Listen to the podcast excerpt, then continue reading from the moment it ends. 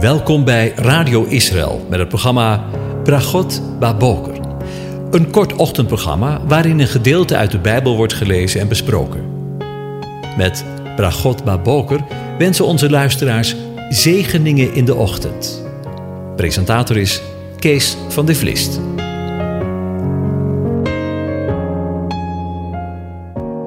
Goedemorgen, beste luisteraars. Vanmorgen wil ik weer verder met je nadenken over Psalm 40. En daarvan lees ik de eerste elf versen aan je voor. Een psalm van David voor de koorleider. Lang heb ik de Heere verwacht, en hij boog zich naar mij toe en hoorde mijn hulpgeroep. Hij buurde mij op uit een kuil, vol kolkend water, uit modderig slijk. Hij zette mijn voeten op een rots en maakte mijn schreden vast. Hij legde mij een nieuw lied in de mond, een lofzang voor onze God. Velen zullen het zien en vrezen en op de Heere vertrouwen. Welzalig de man die op de Heere zijn vertrouwen stelt en zich niet wendt tot wie hoogmoedig zijn of afdwalen naar leugen. Heere, mijn God, veel zijn uw wonderen die u hebt gedaan en uw gedachten die u over ons hebt. Zou ik ze verkondigen en uitspreken, dan zijn ze zo machtig veel dat ik ze niet kan tellen. U hebt geen vreugde gevonden in slachtoffer en graanoffer. U hebt mijn oren doorboord. Brandoffer en zondoffer hebt u niet geëist. Toen zei ik: Zie, ik kom. In de boekrol is over mij geschreven. Ik vind er vreugde in, mijn God, om u welbehagen te doen. Uw wet draag ik diep in mijn binnenste. Ik breng de blijde boodschap van de gerechtigheid in een grote gemeente. Zie, mijn lippen belet ik niet. U, Heere, weet het. Uw gerechtigheid verberg ik niet diep in mijn hart. Uw waarheid en uw heil, uw goede tierenheid en uw trouw verzwijg ik niet in de grote gemeente. Over wonderen gesproken. Gisteren hebben we stilgestaan bij de woorden: Heere, mijn God. Veel zijn uw wonderen die u gedaan hebt, en uw gedachten die u over ons hebt. Men kan ze voor u niet uiteenzetten.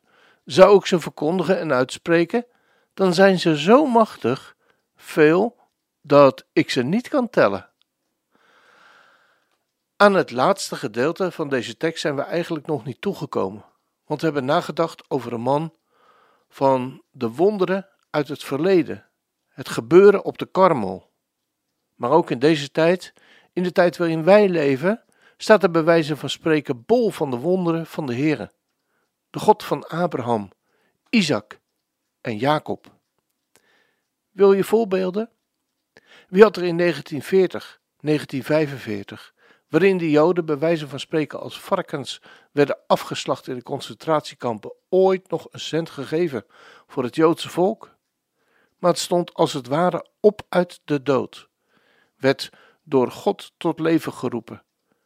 En na twee jaar, in het derde jaar, na de dood, stond het op en was Israël als natie een feit en geboren. En een paar dagen later was de eerste oorlog een feit en werd Israël van alle zijden aangevallen. Een staat die nog maar een paar dagen bestaat, wie had daar een cent voor willen geven? Maar volkeren hadden buiten de waard, buiten God, de God van Israël, gerekend. En hij streed voor hen en Israël kwam als overwinnaar uit de strijd.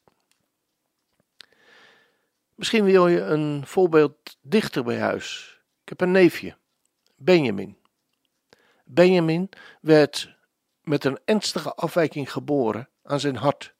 En de artsen gaven aan dat vader en moeder zich maar moesten voorbereiden op een vroege dood van hun baby. En vandaag de dag is Benjamin een heerlijke, gezonde kerel van 13 jaar. En dan moet ik denken aan een nichtje van me, Tikva. Zij werd geboren met een zeer ernstige bloedziekte. En ook voor haar leven werd vanaf het prille begin zeer gevreesd.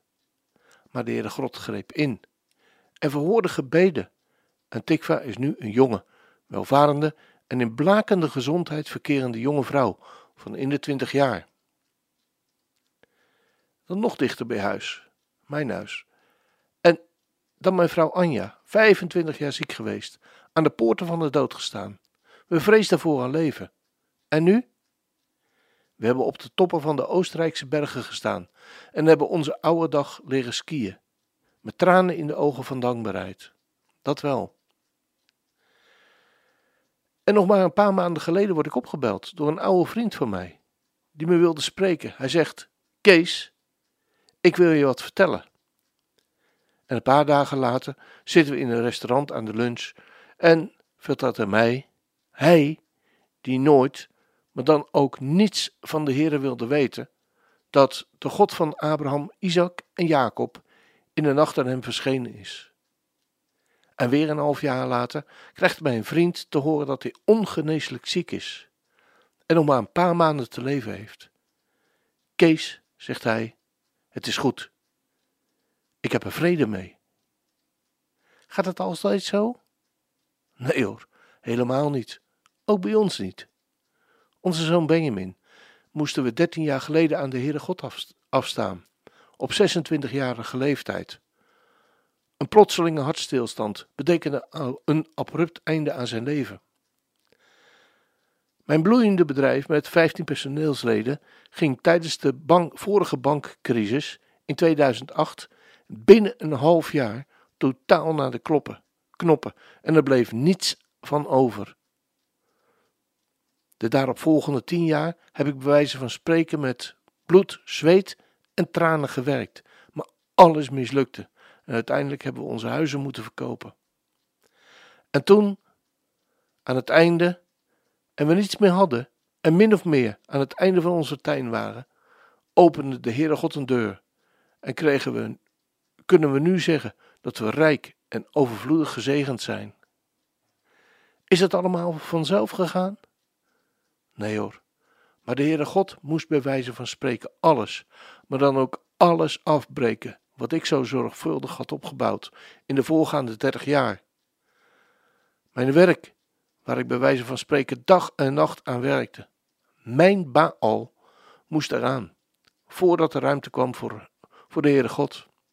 Weken en weken heb ik in de bossen rondputten gedwaald, met twee oortjes in mijn oren, om te luisteren naar preken. Nee, misschien moet ik het anders zeggen om door de woorden van de predikers heen te luisteren naar de stem van de Heere God. En toen, op het dieptepunt van mijn leven, begreep ik pas dat God tegen me zei: Kees, ik vraag niks van je, maar ik bied je wat aan. Liep het vanaf dat moment op rolletjes? Integendeel. Via via kwam ik bij een christelijke organisatie te werken waar ik door de eigenaar zo verschrikkelijk werd gemanipuleerd, waardoor ik in een geestelijke depressie kwam. Zelden heb ik zoveel gehaald. Binnen een paar maanden totaal geestelijk kapot gemaakt.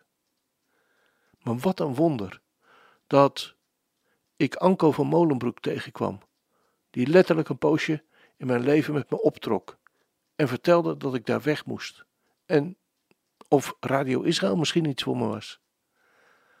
Uiteindelijk kwam ik daar terecht. En vanaf dat moment alleen maar zegen?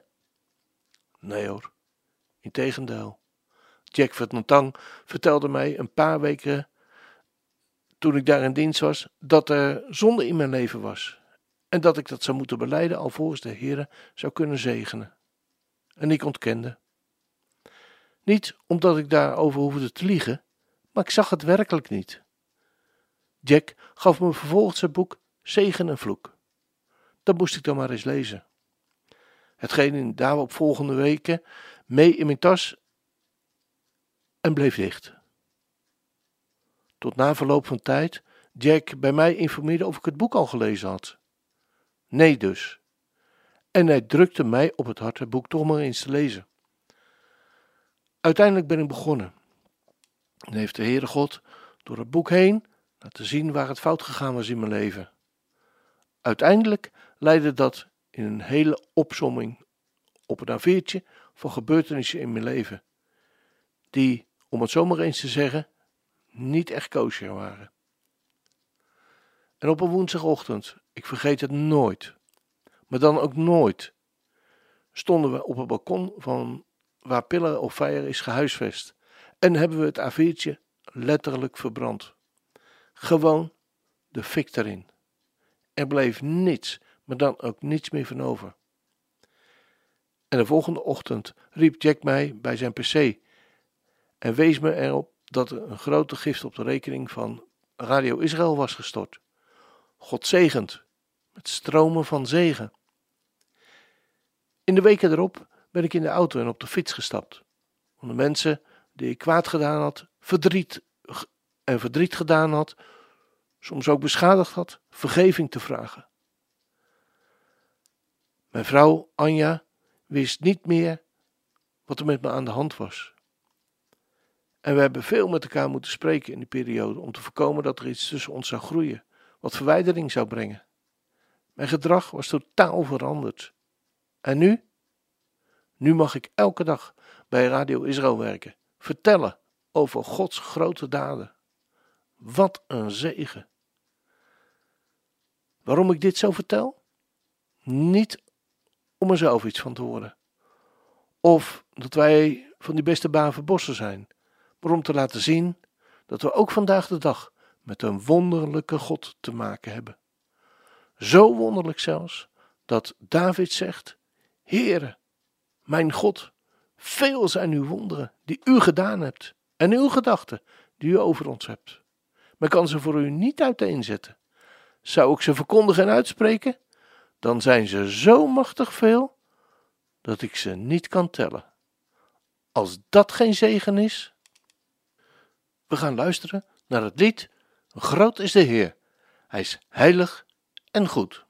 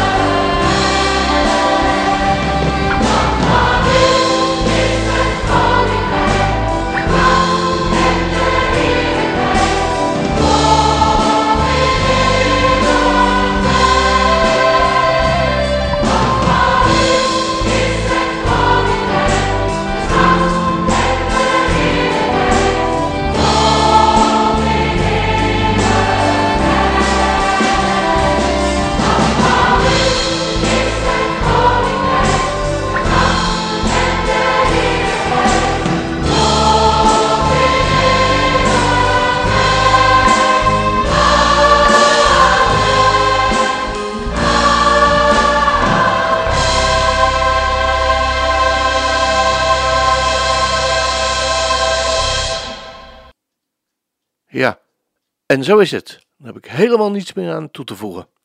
Ik wens je een van God gezegende dag.